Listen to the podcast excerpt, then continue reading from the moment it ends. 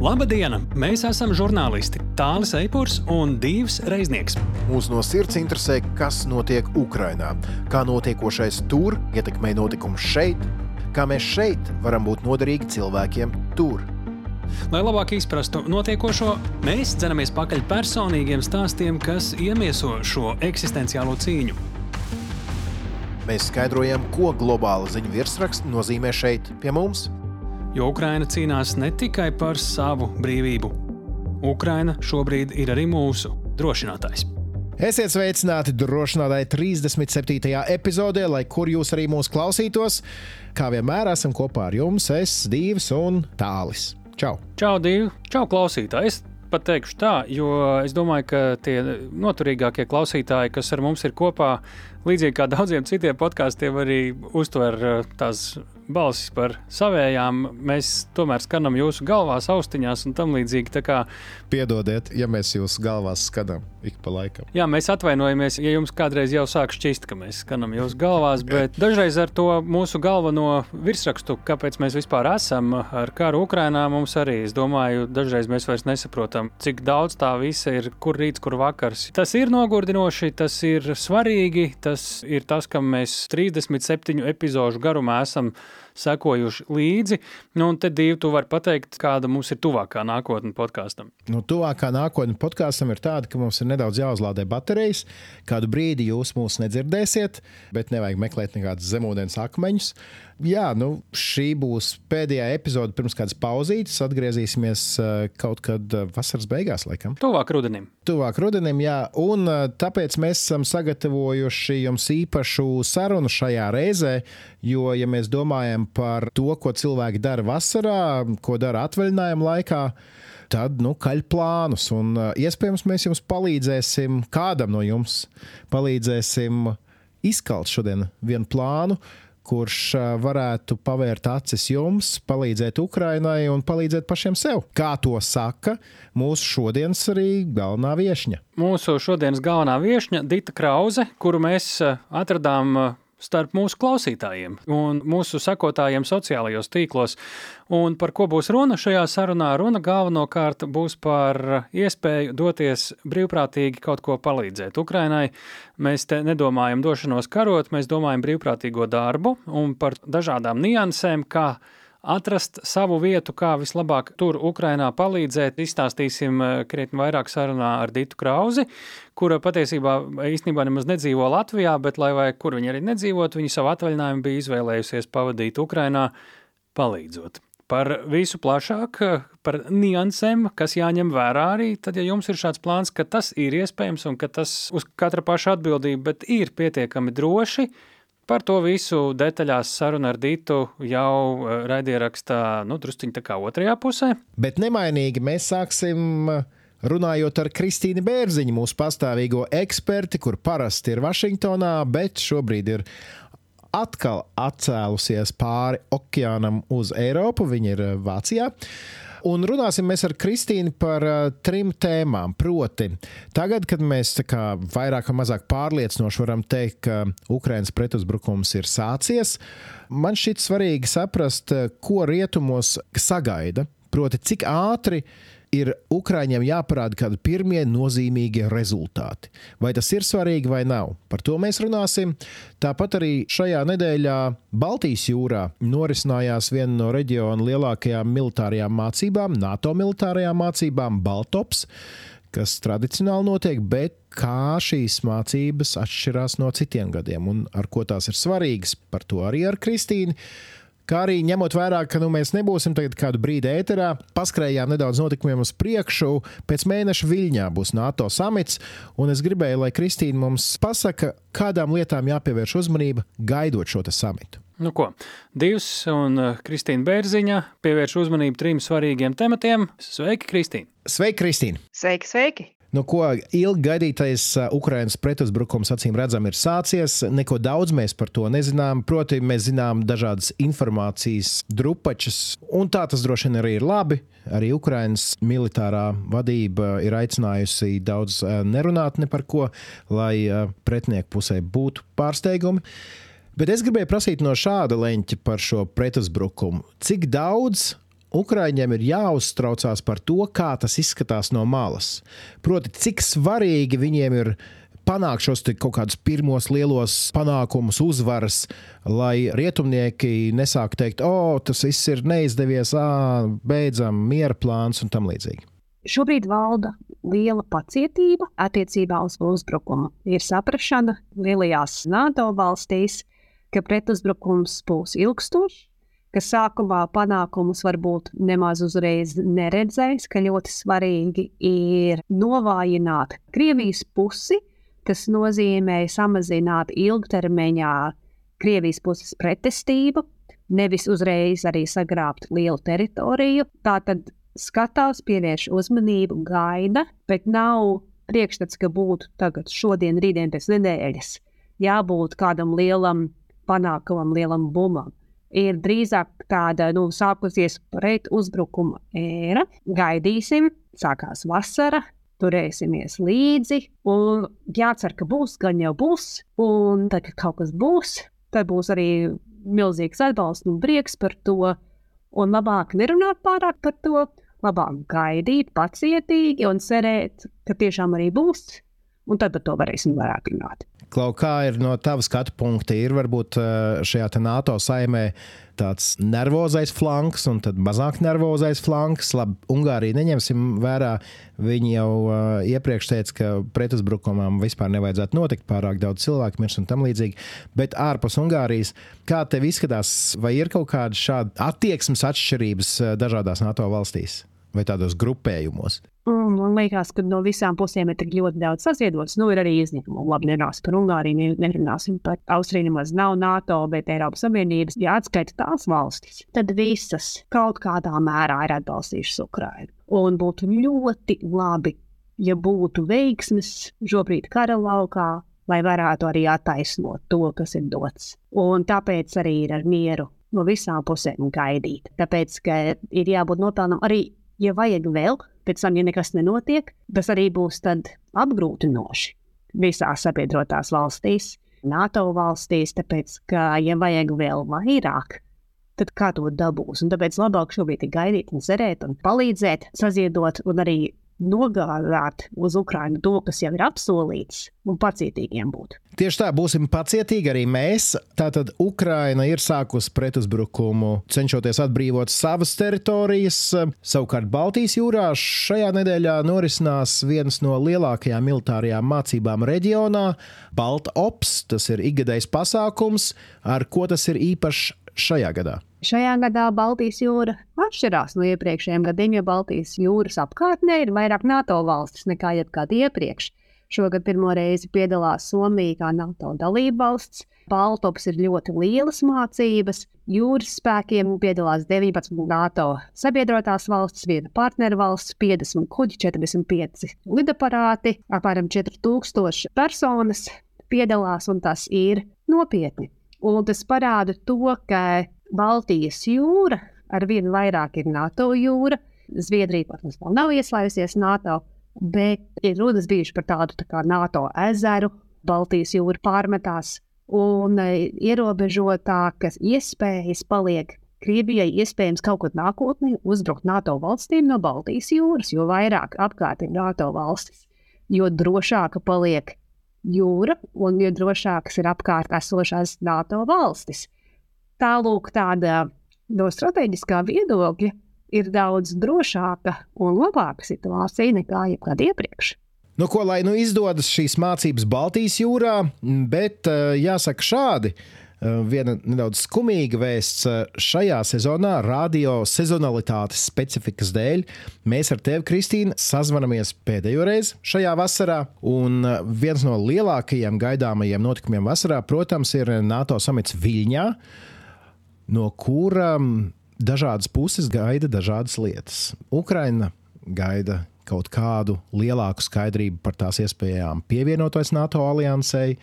Savukārt NATO valstīs arī ir dažādi viedokļi par šo jautājumu. Saki nu mums, dod mums kādu ceļamaizi līdzi, kādām lietām būtu jāpievērš īpaša uzmanība gaidot NATO samitu, kas notiks Viļņā jūlijā. Jā, nu, Latvijā būs jauns prezidents, un uzreiz prezidentam būs jādodas uz Viļņu. Un ko tur gaidīt? Viļņā būs samits, kurā Ukraina ir viens no lielākajiem jautājumiem, un arī varbūt visgrūtākais jautājums. Kāda būs Ukraiņas ilgtermiņa loma NATO, vai Ukraina būs NATO dalībvalsts, vai ir izdomāta, kā pietuvināt Ukrainu. Par to vēl joprojām notiek diskusijas, būs jāskatās, kāds tur ir rezultāts. Sarežģījums arī tāds, ka pēc gada notiks nākošais samits Vašingtonā, un tas būs pirmkārt vēlēšana gadā ASV, bet ir tāda sajūta, ja ne Viļņā, kas notiek pēc tam gadu vēlāk, un tad ir jāskatās, kāds ir tas ceļš, kāds tiek parādīts Ukrainai uz priekšu un ko var Ukrainai sagādāt šogad, ko varētu pēc gada un kas vēl tālāk nākotnē.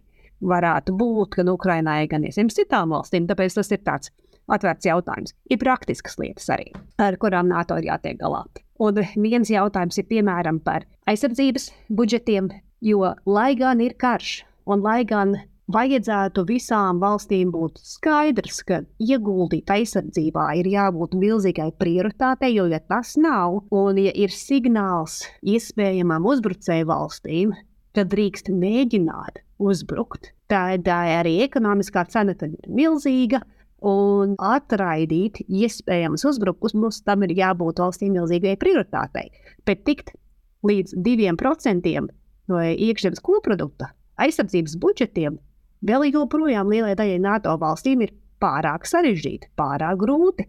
Piemēram, Vācijai šodien sēž Berlīnē. Berlīnē nu, nav tāda pārliecība, ka tūlīt, tūlīt ir jābūt tādam aizsardzības budžetam, un, ja būtu, tad būtu arī lielāka drošība un stabilitāte nākotnē.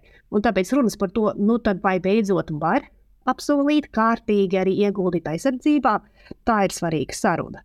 Cita svarīga saruna būs pieņemt reģionālos drošības plānus. NATO daudzus gadus aktīvi piedalījās aizsardzībā ne NATO valstīs. Tagad runa ir par NATO pašas valsts drošību, kā tur te galā, kā var reģioni savā starpā sadarboties, lai nodrošinātu savu aizsardzību. Runa ir par praktiskiem plāniem, kā pieņemt un pilnveidot savu aizsardzību, drošību, un tā arī attīstās un NATO pašreizējai drošības situācijai. Tas būs svarīgi. Vēl arī ir dalību valstu jautājums. Turcijā bija vēlēšanas, prezidents Erdogans vēl joprojām ir prezidents uzvarēja otrās kārtas vēlēšanas, vai tad beidzot Zviedrija drīkstēs būt NATO? Tas ir liels jautājums, kuru varbūt mēs varētu šogad atrisināt un šo vasaru. Pagājušā vasarā jautājums, vai drīkst prasīt dalību tika ātri atrisināts samitāls. Samits ir tāda skaista vieta, kur pieņemt lielus lēmumus. Varbūt mēs varētu atrisināt jautājumu arī par Zviedriju. Tas būtu tāds, nu, liels smags lēciens uz priekšu. Tālāk, vairāk jautājumu, kurus vajadzētu izskatīt. Redzēsim, kā turpat eh, kaimiņu valstī šo jautājumu risinās. Kristīna, bet kā tur ir? Es pats esmu bijis uz dažādiem samitiem, atspoguļot, un tu esi bijusi kādās citās kapacitātēs. Kā ir šādos samitos? Vai viss jau nav nolemts iepriekš, un līderiem atliek tikai atbraukt, paspiest rokas, nofotografēties un apsēsties pie lielā galda, vai tomēr aiz slēgtām durvīm šie lēmumi tiek pieņemti aci pret aci, diskutējot ļoti karstasnīgi vai pavisam mierīgi? Kā kuru gadu? Ir gadi, kad lielu daļu var pirms tam mierīgi sarunāt, uzrakstīt jau visus skaistos tekstus, visi jau ir vienas prātes un ir tikai jāsanāk kopā un skaisti jāapstiprina to, ko diplomāti jau visi ir norunājuši.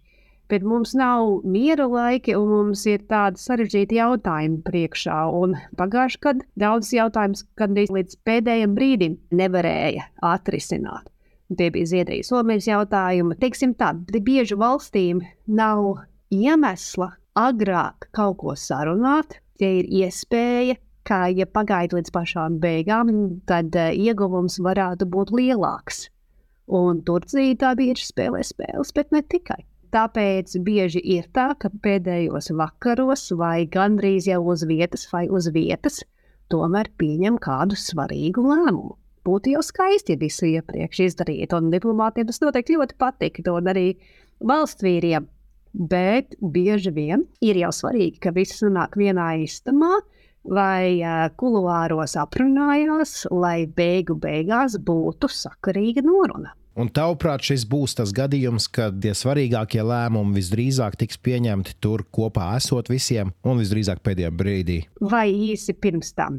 Nu, pēdējais brīdis to var dažādi nosaukt, bet, teiksim, dažus mēnešus iepriekš nekas vēl īsti nebija skaidrs, un laiks iet uz priekšu. Nu, ko, liels paldies! Noteikti sekosim līdzi NATO samitam Viļņā un ne tikai, un, protams, ka visiem pārējiem notikumiem ar Ukrainu saistītiem. Teikšu es tev lielu paldies par kopā būšanu drošinātāju pirmajā sezonā. Es ceru, mēs tiekamies arī nākamajā sezonā, vasaras beigās, rudens sākumā kaut kad tad. Nu, jā, tas būtu. Es ļoti gribētu tikties, un arī, protams, ironiski, tā, kad es vasarā esmu Latvijā, tad nav jāraksta, būtu daudz ērtāk. Lielas paldies tev, Kristīne!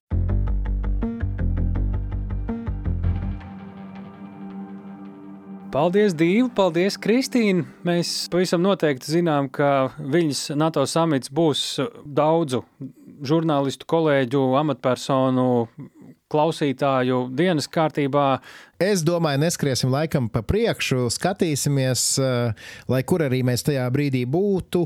Um, garām, garām šis notikums mums noteikti nepaskries, un tiešām interesanti, kā tas beigsies. Bet nu, laiks ir eh, mūsu šīs nedēļas galvenajai lielajai sarunai.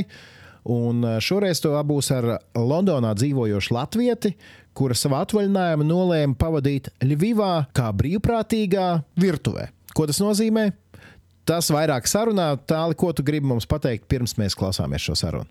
Nu, es gribu pateikt tādas savas sajūtas par braukšanu uz Ukrajinu, par to, ka tas šobrīd ir iespējams. Ja pirms gada, piemēram, aizbraukt uz Ukrajinu, bija nu, īsti nevarēja saprast, cik laba doma tā ir pat neskatoties uz dažādiem drošības apsvērumiem, es te runāju par to, ka vai tur vispār varēja normāli uzturēties. Nu, kaut vai to pašu degvielu iegādāties pirms gada, burtiski dažus mēnešus pēc Krievijas iebrukuma, nu, bija ļoti, ļoti sarežģīti. Tagad daudzas tādas praktiskas lietas Ukraiņi ir adaptējuši esošajai situācijai, un tā dzīve ir krietni vien vairāk iegūlusies kaut kādos saprotamos ritmos un sliedēs, un līdz ar to doties uz Ukrajinu ir vienkāršāk. Es domāju, ka, ja daudz dodas atvaļinājumos vasarā uz visdažādākajām zemēm, un tur atstāja savu naudu, tad atstāt savu naudu Ukrajinā, manuprāt, ir labs plāns, bet nu, gan es, gan arī mūsu tūdaļ intervijā plašāk dzirdamā sarunbiedra Dita Krauze, mēs, protams, ka nebeigsim piebilst, ka, protams, ka ir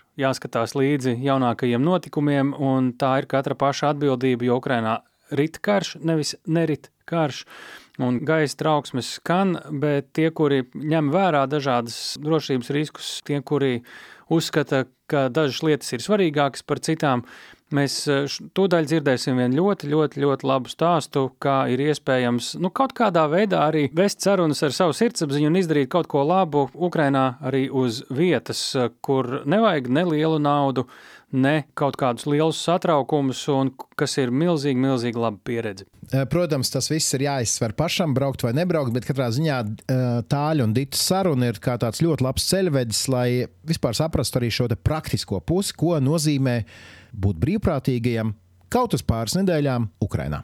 Klausāmies!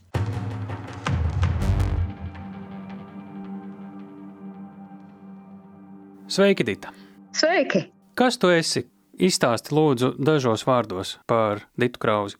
Loģiski esmu Latvija, dzīvoju šobrīd Londonā, īsnībā jau kādu laiku.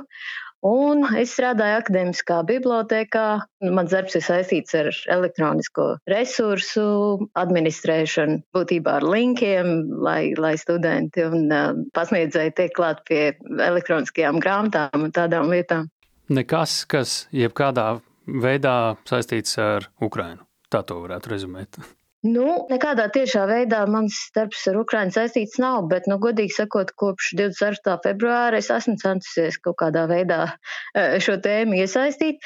Protams, ne vistiešākajā, bet, nu, darbā mums ir dažādi projekti un bibliotekai dažādas aktivitātes, un Viena no tām ir, piemēram, grāmatu un informācijas stenda veidošana, un tad, kad sākās pilna mēroga iebrukums, man gribējās šo tēmu, teiksim, pacelt un par to runāt arī no bibliotēkas puses, bet um, pirmkārt mums nebija daudz resursu īsnībā par Ukrainu, kas arī daudz ko pasaka par Krieviju gan bija.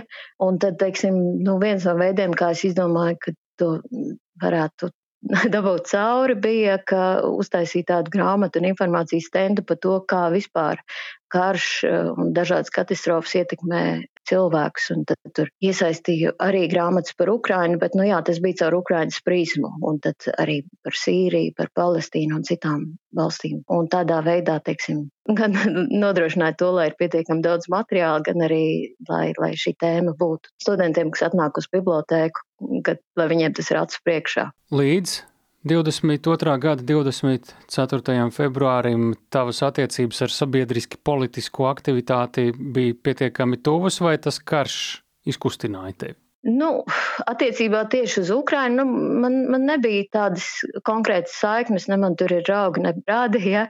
Nu, protams, es zinu, ka karš nesākās 24. februārī, bet nu, es esmu no tiem, kas tam tā aktīvāk pievērsās tajā laikā. Un um, īsnībā tas brīdis, kad 20 4. februārī sākās iebrukums. Nu, bija tāda interesanta sajūta, ka it kā es tam sakotu tiešajā ēterā, jo es tajā brīdī nu, nevarēju gulēt un satraucos par to visu un um, īsnībā skrolēju Twitter, jo nevarēju aiziet gulēt. Tad, tad es redzēju pirmos, pirmos tvītus par notiekošo un, nu, tad, protams, miegs tā arī turpināja nenākt.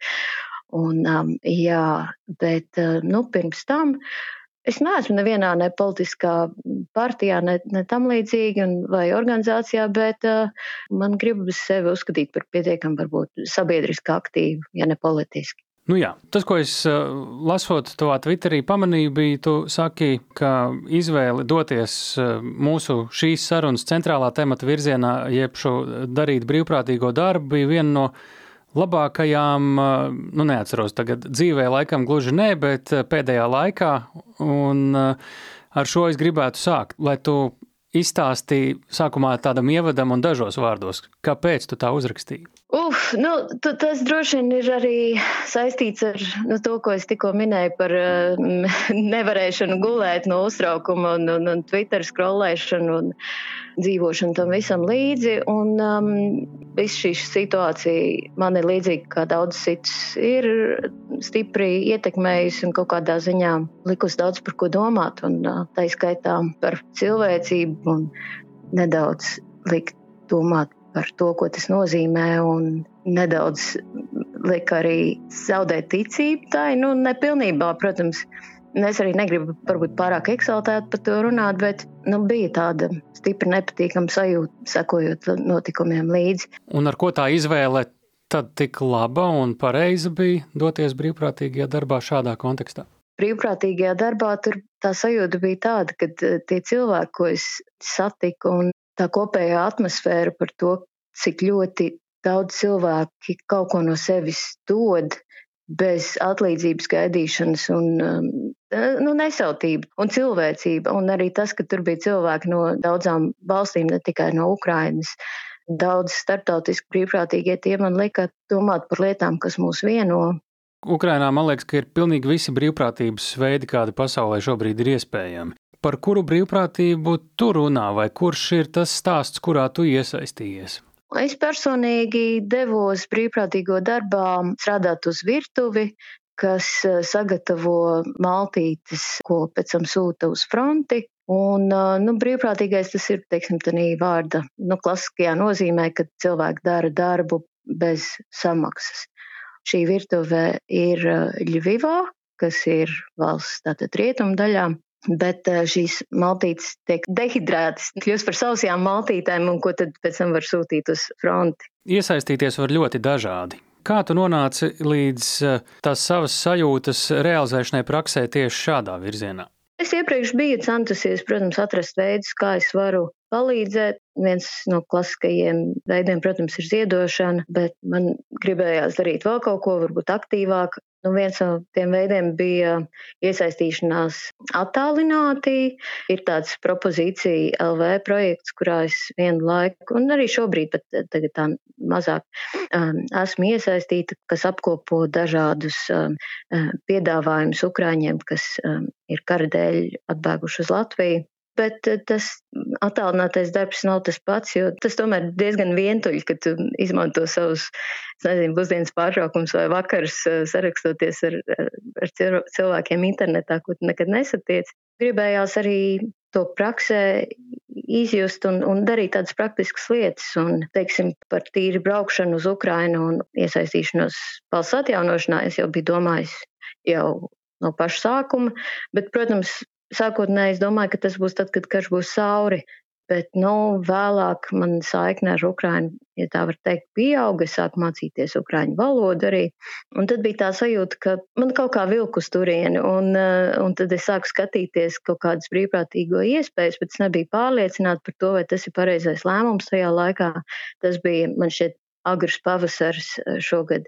Un tad tur tika bombardēta infrastruktūra, tā skaitā ūdens un elektrība, tas viss. Un, un tad es arī domāju, vai pat ja brauc uz valsts rietumu daļu, vai tas ir prātīgs lēmums, tīri no tā aspekta, vai palīdzība, ko es varu sniegt, ir pietiekami nepieciešama, jo es domāju, ja es tur aizbraucu, es aizņemu vietu, piemēram, ja. Nu, tāda bija mana apsvēruma, tagad tas varbūt šeit muļķīgi, bet Tie bija jautājumi, par ko es domāju, ka es aizņemtu vietu, ko citkārt varētu aizņemt varbūt cilvēks, kurš ir atbēdzis no okupētajām zonām, ja, vai arī, piemēram, ja ir limitēts daudzums elektrības vai ūdens, es negribu atbraukt. Un, jo man nav, teiksim, kaut kādas, nezinu, pieredzes celtniecībā, kas varētu praktiski noderēt, vai kaut kas tāds, man šķita, ka tas, ko es varu piedāvāt, ja runa ir par fizisku darbu, tad tas nav daudz ko atkarīgs no tā, ko var piedāvāt te jebkurš cits cilvēks. Un tāpēc man šķiet, ka varbūt to vairāk darītu sevis pašas dēļ, sevis kaut kāda sirdsmiera dēļ, lai justos pati par sevi labāk, bet man gribējās, lai tas nav tikai tā, lai tas darbs ir tiešām nepieciešams kādam. Lai nav arī tas, ko mēdz saukt par pazīmēšanos vai līdzīgi. Jā. Bet kā tad tu reāli secīgi kādus soļus spēri? Nu, šeit jau varbūt tāds piemērs vai padoms vai, vai kaut kas līdzīgs, bet stāsti to, kā tieši tev notika, kādu ceļu tu gāji un kur nonāci, kā nonāci. Es padalījos ar savām pārdomām uh, vienā Discord grupā, kurā es esmu ar, ar citiem Ukraiņas atbalstītājiem, nu, ko, ko viņi domā. Un tad viens no grupā esošajiem cilvēkiem padalījās ar linku uz uh, tādu lapu Volunteering Ukraine, kom, ja nemaldos, un tur bija uzskaitīts dažādas iniciatīvas, kurās aktīvi tiek aicināti iesaistīties cilvēki no ārzemēm. Beigu, beigās tā virtuve, uz kuras aizbrauc, arī bija tur tajā lapā uzskaitīta.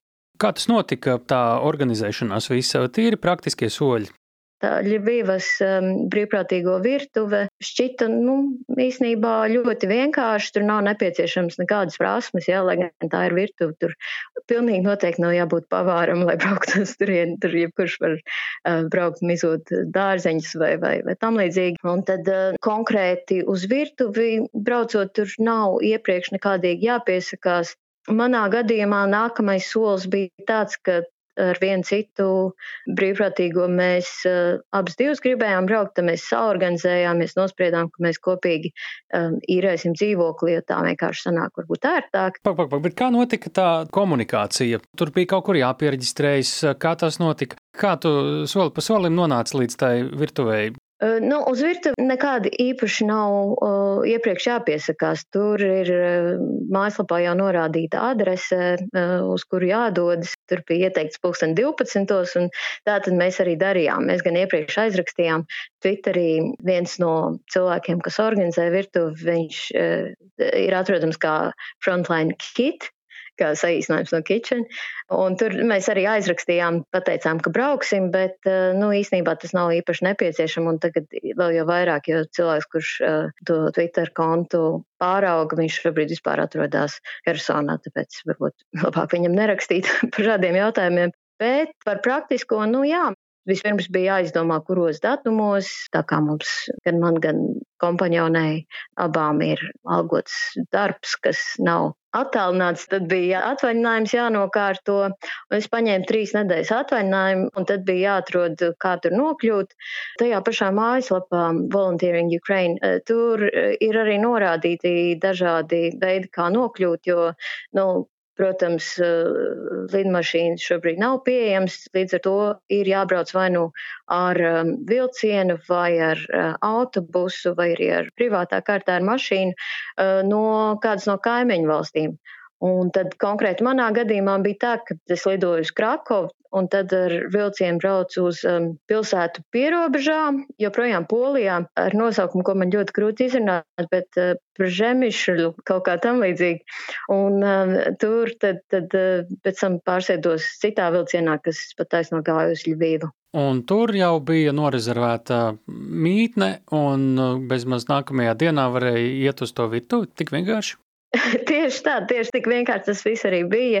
Atradām labu dzīvokli, Booking.com, tur tiešām daudz kas pieejams, arī Airbnb strādā un ļoti laba pieredze. Mums pat uh, dzīvokļu saimniece atbrauc pakaļ uz staciju un tur gribēja vareņikus cept un mums vest. Nu, mēs tā kā, nu, teicām, nē, nē, būs jau labi un, nezinu, ļoti, ļoti sirsnīgi bija tā sagaidīšana un, nu, īstenībā tiešām tas viss bija daudz vienkāršāk nekā varētu domāt. Ir vienkārši jāatrod brīvs laiks un jānorezervē. Ah, un attiecībā uz kaut kādām dokumentu kārtošanām Latvijas pilsoņiem, tāpat kā man šķiet, visticamāk, visu Eiropas Savienības valstu pilsoņiem, nevajag nekādu vīzu kārtot. 90 dienas var uzturēties Ukrainā bez vīzes. Un es arī Twitterī pieminēju tās prasības, Man šķiet, ka bija norādīts, ka vajag vai nu Covid testu vai apliecinājumu nesenai vakcinācijai, bet nu, To man neviens neprasīja. Es domāju, ka visticamāk viņiem vienkārši nav bijis šobrīd laika. Nu, teiksim, tā ir citas aktualitātes, kā atjaunot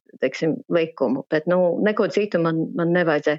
Uh, vēl es gan nokārtoju dzīvības apdrošināšanu. Pietiekami arī lēti maksā, lai, lai pieņemtu lēmumu viņu nokārtot, un uh, tas man šeit bija kaut kādi divi eiro ar kapekām dienā. Par uh, to virtuvi aizgājāt, ko sagaidījāt un ko ieraudzījāt, un kas notika? Ļuvijas brīvprātīgo virtuvē atrodas ļoti tuvu centram. Tur no centrālā laukuma ir kaut kādas, es nezinu, minūtes, 5, 7 ar kājām vispār ļoti maz tāda un iztaigājama pilsēta, bet eh, nu, tā pirmā diena bija tāda, ka mēs tad, nu, atradām Google Maps, mums bija atzīmēts, kur tad nu, ir jānāk, un uh, ienākām iekšā, un tad ir tāds pagalmiņš, tad mēs redzam kaut kādu dažu cilvēku sēž tur, griež vietas vai kaut ko tam līdzīgu, un, nu, mums īpaši uzmanību nepievērš, un, un tad, nu, mēs nu, tā kā gājām runāties un, un teikt, ka mēs, nu, labdien, mēs esam brīvprātīgie. Nu, un tad mums ļoti ātri ierādīja, kur ir priekšādi, kur ir gumijas cimdi, pateica, ko šobrīd vajag darīt. Nu, un tad uh, es neatceros, kas bija pirmie dārzeņi, kam es pievērsos, bet, nu, jā, nu, tas ir darbs lielākoties tieši saistīts ar, es nezinu, kartupeļu mizošanu, tur sīpolokus vai, vai bietas tur notīrīt, griezt, nu, nu, tādas lietas. Cik ilgu laiku jūs to darījāt? Ukrainā kopumā es biju 16 dienas, no kurām 14 bija pilnas, un tās otras divas bija nu, tādas pusītas vai nepilnas. Uz virtuves gāju gandrīz katru dienu. Jāatskaita vienu, kad es aizbraucu ceļojumā, nelielā nu, vai roadtripā ar, ar mašīnu uz klintīm, ko es noskatīju Eirovīzijas uh, rullītī. Un, um, nu, pārējā laikā, nu, būtībā, nu, virtuve strādā no, no 12 līdz 8 vakarā, bet, nu, var iet arī ātrāk, vai var iet prom arī ātrāk. Un, nu, bija varbūt ne visās dienās es biju no 12 līdz 8, bet, nu, jā, nu, tur, tur katru dienu ir nepieciešama cilvēka. Ir tādi cilvēki, kas tur uz vietas arī brīvprātīgie, kas tur strādā katru dienu, dzīvo un. un Pastāvīgi. Jā, un daži, teiksim, strādā attālināti vakaros, bet pa dienu katru dienu ir virtuvē. Ja? Un tad ir citi, kuri, teiksim, atbrauc atvaļinājumā vai tam līdzīgi uz nedēļu, uz divām, vai arī citi pat nu, piestāj uz, pāris dienām. Nu, tā. Kas to virtuvē organizē un kur tas jūsu sagrieztais kādā formā aiziet? Kam jūs esat beigu beigās palīdzējuši? Tā Ļuvijas brīvprātīgo virtuve nav nekas jauns. Īstenībā viņi darbojās jau no 2014. gada. Un uh, viņu nodibināja divas uh, vietējās ukrainietes. Viena ir uh, Ļūda, ar ko mēs diezgan bieži arī runājām, un otra, otrais neatceros vārdus, viņa tik vienreiz redzēja, bet nu, joprojām viņas tur darbojās. Īpaši Ļūda katru dienu tur ir redzama. Bet um, vēlāk, 2022. gadā, vasarā tur pieslēdzās arī Ričards, kurš ir brits, un viņš uztaisīja to Frontline Kitchen Twitter kontu un, teiksim, sāka informāciju par to visu arī padarīt pieejamu un aicināt cilvēkus iesaistīties arī angliski.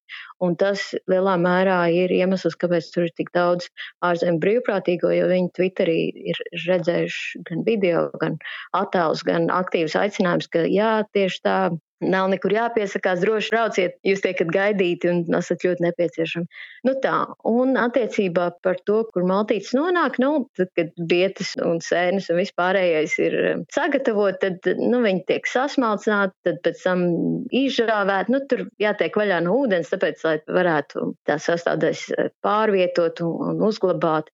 Tad ir jāsasver tur pa iepakojumiem, tam visam vajag darba spēku, un to es arī darīju. Tie iepakojumi ir lielākoties desmit litrīgām zupām vai citām maltītēm, piemēram, sanāk desmit litri borša no vienas paciņas, kas ir diezgan neliela un līdz ar to to ļoti ērti un viegli pārvietot. Ja. Un kur tas aizceļo? Primārais eh, saņēmējs ir fronte jau no 2014. gada.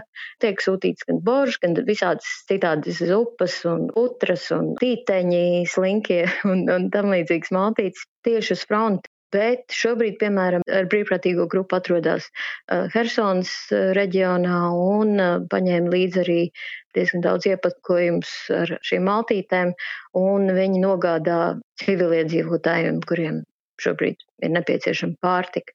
Nu, tur ir tas elements ar to, ka to ļoti viegli transportēt, un viņi teica, ka paņēma četras silās Ikejas somas, ja, pielika ar tiem mūsu zupu iepakojumiem, un tad no vienas tās mazās paciņas, ne, nu, būtībā ar tām tām somām viņi varēja pabarot um, nu, pār pa tūkstotim cilvēku. Nu, tā kā to dažādi var izmantot. Kas apgādā šādu virtuvi? Es zinu, ka daļa no, no tām sastāvdaļām ir tādas, kas tomēr ir jāpērk. Ja? Es zinu, ka daļu ziedo vietējie cilvēki, kas kaut ko izaudzē, bet, nu, protams, ka nevar izaudzēt tādas kvantums. Ja? Un tad plus vēl ir kaut kādām zupām, turklāt kaut kādi makaroni vai tādas lietas, nu, tas viss tiek pirkts un arī tam tiek uh, vākti ziedojumi. Tu biji kopā pārsvarā ar zemniekiem, satika, protams, arī daudz ukrāņu un tas nozīmē daudz cilvēku stāstu. Un es domāju, ka tas ir tas, ko tu gribot vai negribot, kā brīvprātīgais saņem pretī. Tā ir tā daļa no atalgojuma, vai no ieguvuma, vai no gandarījuma. Es nezinu, kurš to nosauks. Cik svarīga un liela daļa tev tas viss bija? O, nu, nu, protams, tas cilvēciskais aspekts bija nu, centrālais, jo tie cilvēki, ko es esmu satikusi brīvprātīgojot Ukrainā, nu, es domāju, ka lielu daļu no viņiem es arī nekad neaizmirsīšu. Piemēram, tāda Nīderlandieta vārdā Debija.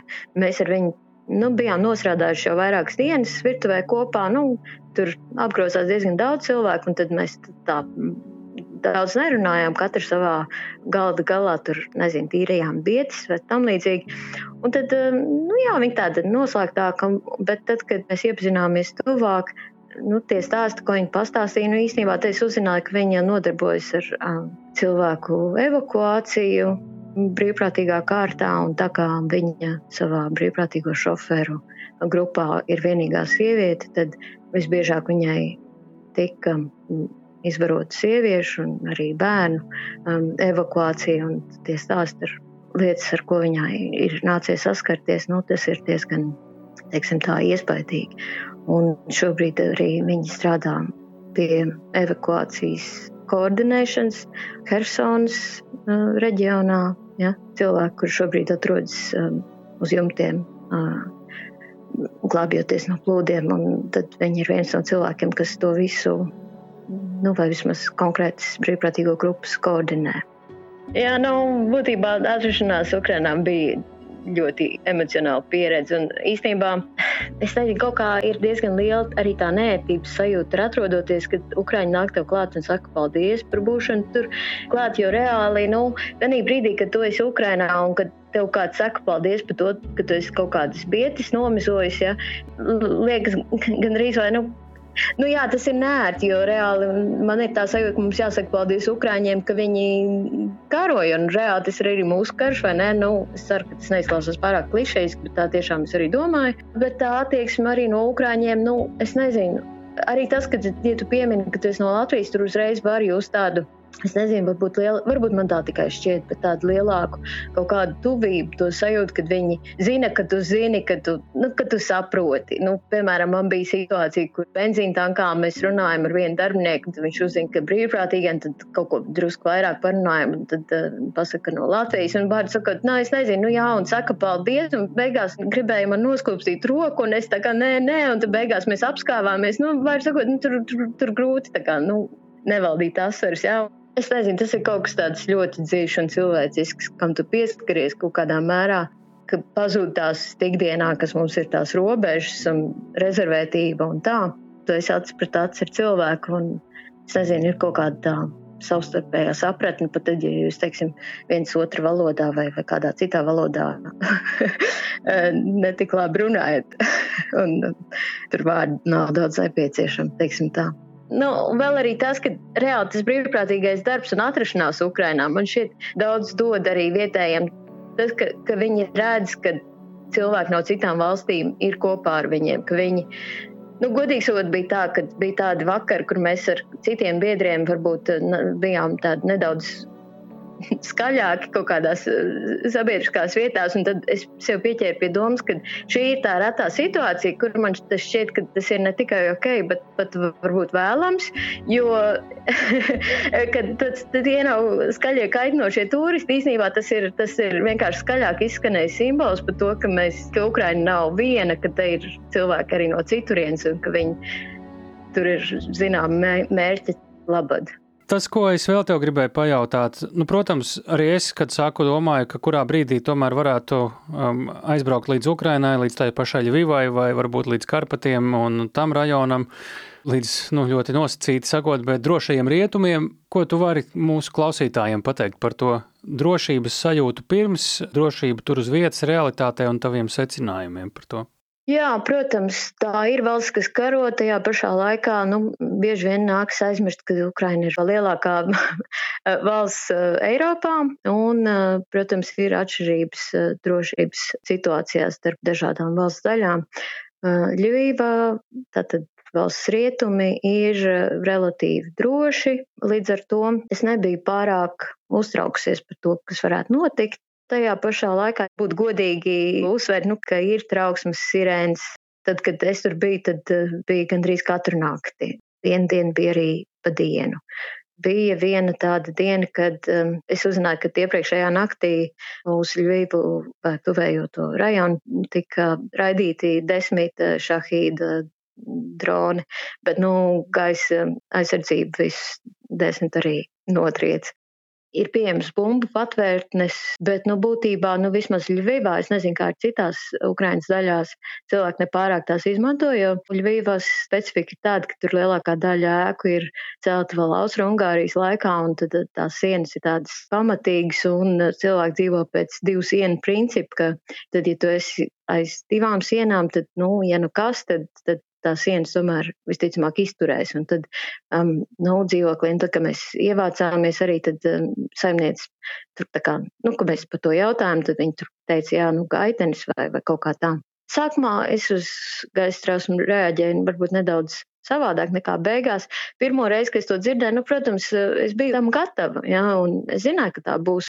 Bet tomēr mani tas nedaudz, protams, ietekmēja vairāk pat ne tā apdraudētības sajūta, bet nu, dusmas par to, kā, nu, ka šeit tik liela disonance starp to, ka tu dzīvo tādā rietumnieciskā pilsētā, kur viss liekas normāli kā jebkur, un paralēli tev skan trauksmes sirēnas un tās dusmas kaut kādā mērā.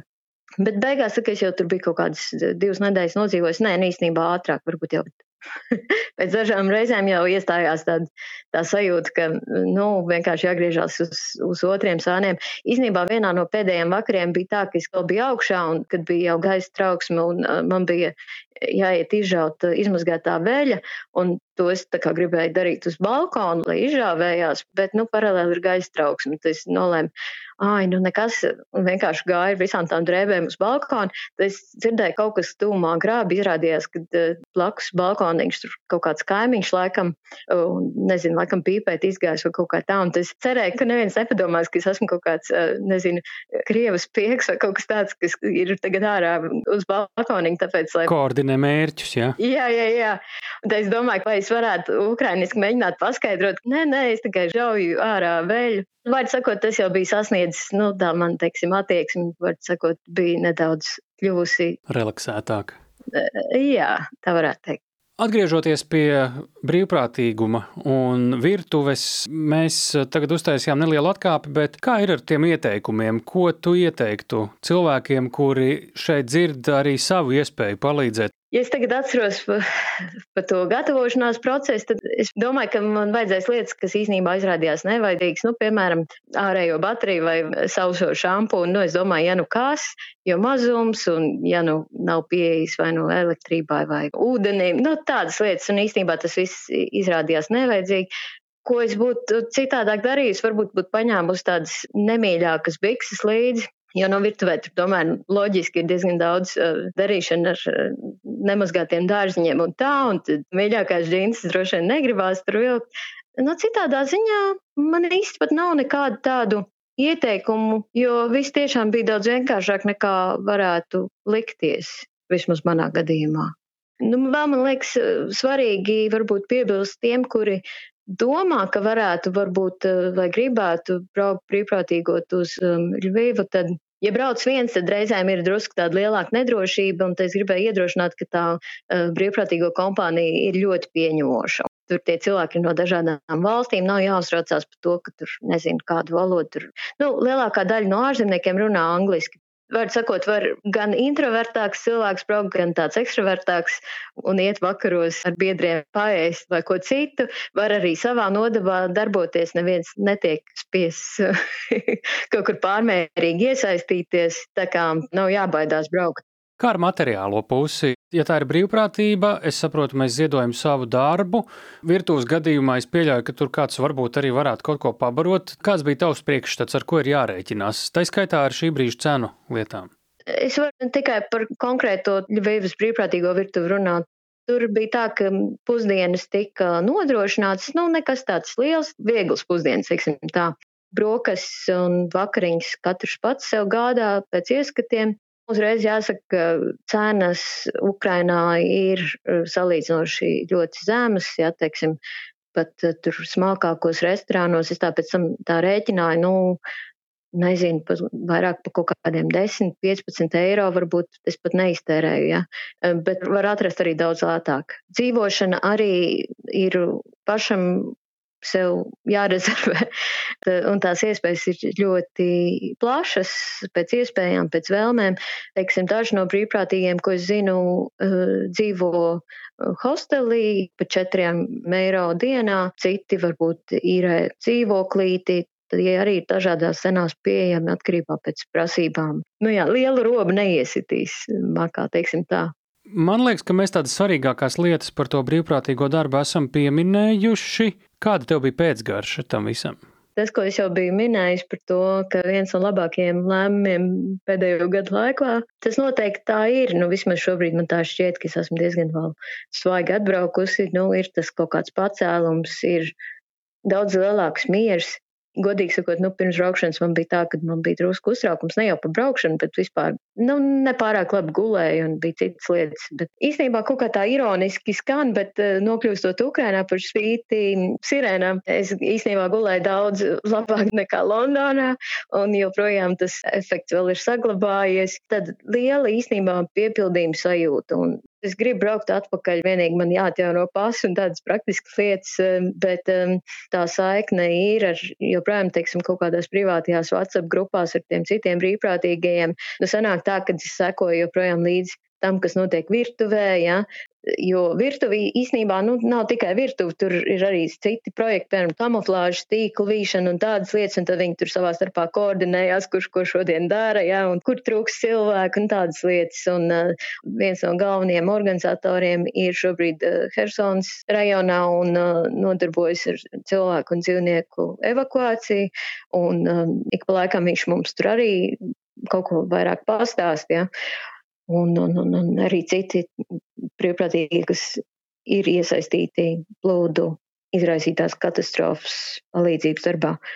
Ar viņiem arī man ir saziņa. Tā kā, protams, tā saikne ir vēl stiprāka nekā iepriekš, vai ne? Un tu jūties tajā visā iesaistīts. Tā kā, nu, būtībā tā pieredze tiešām ir bijusi, nu, manā gadījumā ļoti pozitīva. Gribu braukt atkal.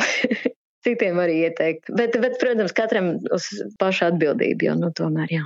Ko mums tev pašai, tieši tev un personīgi novēlēt attiecībā uz mūsu sarunas kontekstu? Es nezinu, lai, lai es ātrāk varētu pasi nokārtot, lai varētu atkal braukt.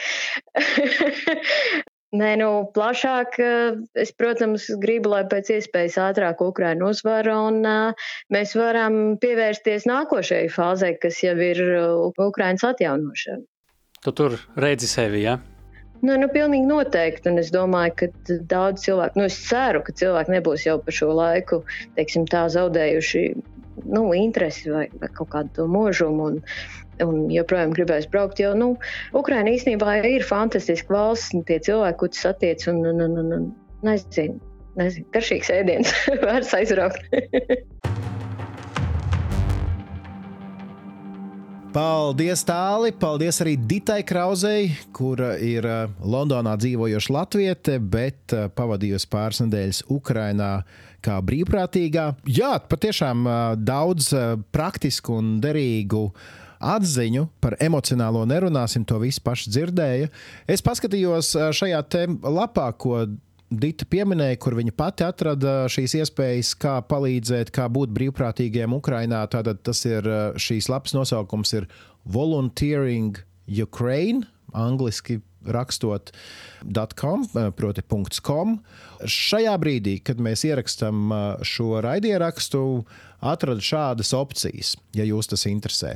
Piemēram, Ļuvivā, gluži kā Dita, jūs varat strādāt virtuvē, varat strādāt arī dzīvnieku patversmē. Kā arī varat pasniegt angļu valodu iekšējo bēgļu bērniem, tiem cilvēkiem, kuri ir bijuši spiest pamest savas mājas Ukrajinā. Harkivā jūs varat arī sagatavot ēdienu, Hell's Kitchen tāda programma tur ir.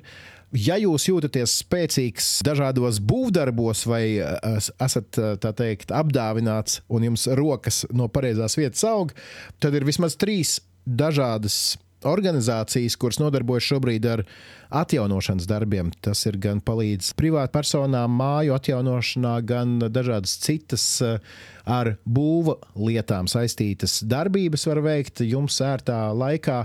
Jūs gaidīs gan Kīvā, gan Harkivā, gan Hersonā, gan eh, Ļvivā, gan Černihivā, Zaporižjē un um, vēl dažādās vietās. Tātad šī mājaslapa volunteeringukraine.com. Es tur gribēju mazliet piebilst. Tu teici, tie celtnieki, kuriem rokas aug pareizajā vietā, uh, ko Dita uzsvēra, ka uh, tur jāapskatās, ka noteikti ir vietas, kur nav jābūt vispār, nav jāprot būvēt vai vēl kaut ko. Tu vari iet Pat un palīdzēt lietās, kuras jādīv pat tādiem kā tu vai es. Un ir, ir lietas, tāpat kā virtuvē, un tev nav jābūt pavāram, lai tu varētu griezt bietes. Man gan bietes negaršo, un man ir problēmas ar boršu līdz ar to, lai arī cik tas paradoxāli neiz, neizklausītos. Bet pat tāds, kuram negaršo boršs vai arī neinteresē celtniecība, tur var pielikt to savu roku. Un, kas zina, varbūt iepatiksies ne tikai Ukraina, bet arī bietes un celtniecība. Ak, Dievs, man vajadzēja 37 epizodus, lai uzzinātu, ka tālim negaršo boršs kurš vispār pieņem šo lēmumu? Tālu apstiprināt šī podkāstu vadītāja amatā. Es nesaprotu, tas, lai ir uz tā konkrētā cilvēka sirdsapziņas. Nu, man reāli tālu vajadzēs tagad bišķiņu laika padomāt par šo visu, ko tu man tikko nu, bet spēķis man garšo. Tas, protams, tevi nedaudz, nedaudz attaisno. Jebkurā gadījumā, ja jūs apsverat domu par um, došanos uz Ukrajinu, atcerieties, pirms dažiem mēnešiem mums bija arī atsevišķa epizode ar uh, vienu gidi Kīvā, kur um, teica, jā, ka dzīvība notiek, un, un mēs nesen dzirdējām, ar audījums atver savu vēju tuneli. Tā kā nu, kaut kādas šādas ziņas nesaistās kopā ar tēmu par to, ka valstī ir karš. Bet, jā, dzīvība ir, var tur braukt ceļot, var un droši vien, ka vajag braukt palīdzēt, ja mēs to varam darīt. Es gan tomēr šo teikumu nebeigšu, kamēr nepateikšu, ka jāatceras, ka šī valsts atrodas šobrīd karstāvoklī ne savas gribas dēļ, tāpēc ka tā ir uzbrukts. Un, diemžēl uzbrucēji savus raķetes raida, kā mēs zinām, ne tikai uz militāriem objektiem, ne tikai fronts tuvumā. Viņiem patīk eh, izraisīt, eh, mēģināt izraisīt haosu un bailes eh, cilvēkos tālu, tālu no fronts līnijām. Nu, pat pēdējās nedēļas laikā Odesā mēs redzējām uzlidojumus ar bēdīgiem rezultātiem. Tāpat citās pilsētās arī Ļuviva nav izņēmums laiku pa laikam raķetes eh, vai eh, droni tiek raidīti tajā virzienā. Tas vienkārši viss ir jāņem vērā, lai saprastu, varu, nevaru, gribu, negribu, ir tā vērts, nav tā vērts. Es nesaku, ka tam ir jābūt noteicošajam, bet, tā, bet tas ir jāpaturprātā. Lai vai kā šajā divu pieminētajā lapā Volunteering Ukraine un droši vien arī citos resursos ir pieminēts ne tikai vietas, kurp var doties un kā var palīdzēt, bet tur ir arī nu, tādi praktiskie padomi, ko drusku Dita ieskicēja, drusku vēl tur citas detaļas, gan par nokļūšanu, gan par dokumentiem, gan uh, mītni. To visu var izlasīt. Starp citu, arī atrodiet Ditu Krauzi Twitterī. Viņai arī ir tāds pietiekami vispusīgs un detalizēts pavadiens kurā var izlasīt viņas pašas vērojumus, pieredzi, tur arī fotografijas. Ja par fotografijām Dita laipni ir ļāvusi arī mums tās izmantot, un mēs arī nepublicētas iepriekš fotografijas no Dītas palūdzām, un tur arī varēs redzēt gan kā izskatās šajā virtuvē, gan uh, nedaudz arī no Ļvīvas kara laika, Ļvīvas, kur, nu tā teikt, baznīcām statujas uz jumtiem ir apsietas vai vitrāžas aizklātas, lai neizplīst, ja ir kāds lielāks trieciens. Tā kā šis viss būs aplūkojams LSMLV, tad, kad būs pēc epizodes iznākšanas gatavs gatavs arī raksts par uh, Ditas pieredzi, šī pati intervija, ja nu kāds ir vairāk lasītājs nekā klausītājs, arī to mēs uh, varam piedāvāt. Dalieties ar šo raidierakstu, ja jums tas šķiet interesanti, svarīgi vai noderīgi. Tātad, jebkurās raidierakstu platformās tas dzirdāms, sūtiet linkus, sūtiet mums atsauksmes, sūtiet arī mums e-pasta vēstules, drošinātājs at Latvijas Rādio LV. Kā jau teicu, mēs tagad uz kādu brītiņu gan paņemam pauzīti, uzlādēt sev baterijas un tiksimies ar jums raidierakstu viļņos jau tuvāk rudens pusē es gribēju no jums atvadīties ar vienu iespaidu, ko es piefiksēju 2019. gadā. Kad biju Ļuvijā, tā bija siltas vasaras pievakare, kad eh, staigājot pa Ļuvijas vecpilsētu, es kaut kur aiz stūra dzirdēju fantastisku dziedāšanu. Es gāju uz to mūzikas skaņu, avotu, nu, mēģināju saprast, no kurienes tā dziedāšana nāk. Jā, un tur bija vienkārši viens jauns puisis un jauna meitene stāvēja ielas malā, nolikuši cepuri sev priekšā. Tie bija ielu muzikanti, kur dziedāja kādu fantastisku ukraiņu tautas dziesmu. Nezinu, ne tās tautas dziesmas nosaukumu, ne šo dziedātāju vārdus un uzvārdus. Es zinu tikai to, ka tas bija ārkārtīgi skaisti. Nu, mēs visi šeit esam sapulcējušies, jo, jo ceram, ka Ukraiņiem izdosies pēc iespējas ātrāk sakaut pretinieku, lai pēc iespējas ātrāk visās Ukraiņas pilsētās atgrieztos dzīve, kas netiek pārtraukta ar um, kaut kādām reidu skaņām vai sprādzienu skaņām, lai atgrieztos dzīve, ka tu vari vienkārši apstāties ielas malā, klausīties mūziķos vai pats dziedāt un lai apkārt būtu miers. Banāli varbūt tas izklausās, bet tā un tas ir. Jā, ieraksts nav superkvalitatīvs audio, bet uh, es nevarēju to nenofilmēt, un man prieks, ka es šobrīd varu ar to dalīties. Paldies jums, uh, ka bijāt šīs 37 epizodes kopā ar mums. Paldies, tev tāli. Tu biji lielisks vadītājs, lielisks kolēģis par spīti tam, nu jā, ka tu neēdi boršķu. Tiekamies. Es gan sen esmu teicis, ka šis ir podkāsts, kura mērķis ir pēc iespējas ātrāk izbeigt savu eksistenci, jo Ukraina uzvarēs un Ukraina atjaunosies, bet man ir tāda nojausma, ka tuvāk rudens pusē mums tomēr vēl būs jātiekās, un ja nu tā, tad darīsim to ar prieku.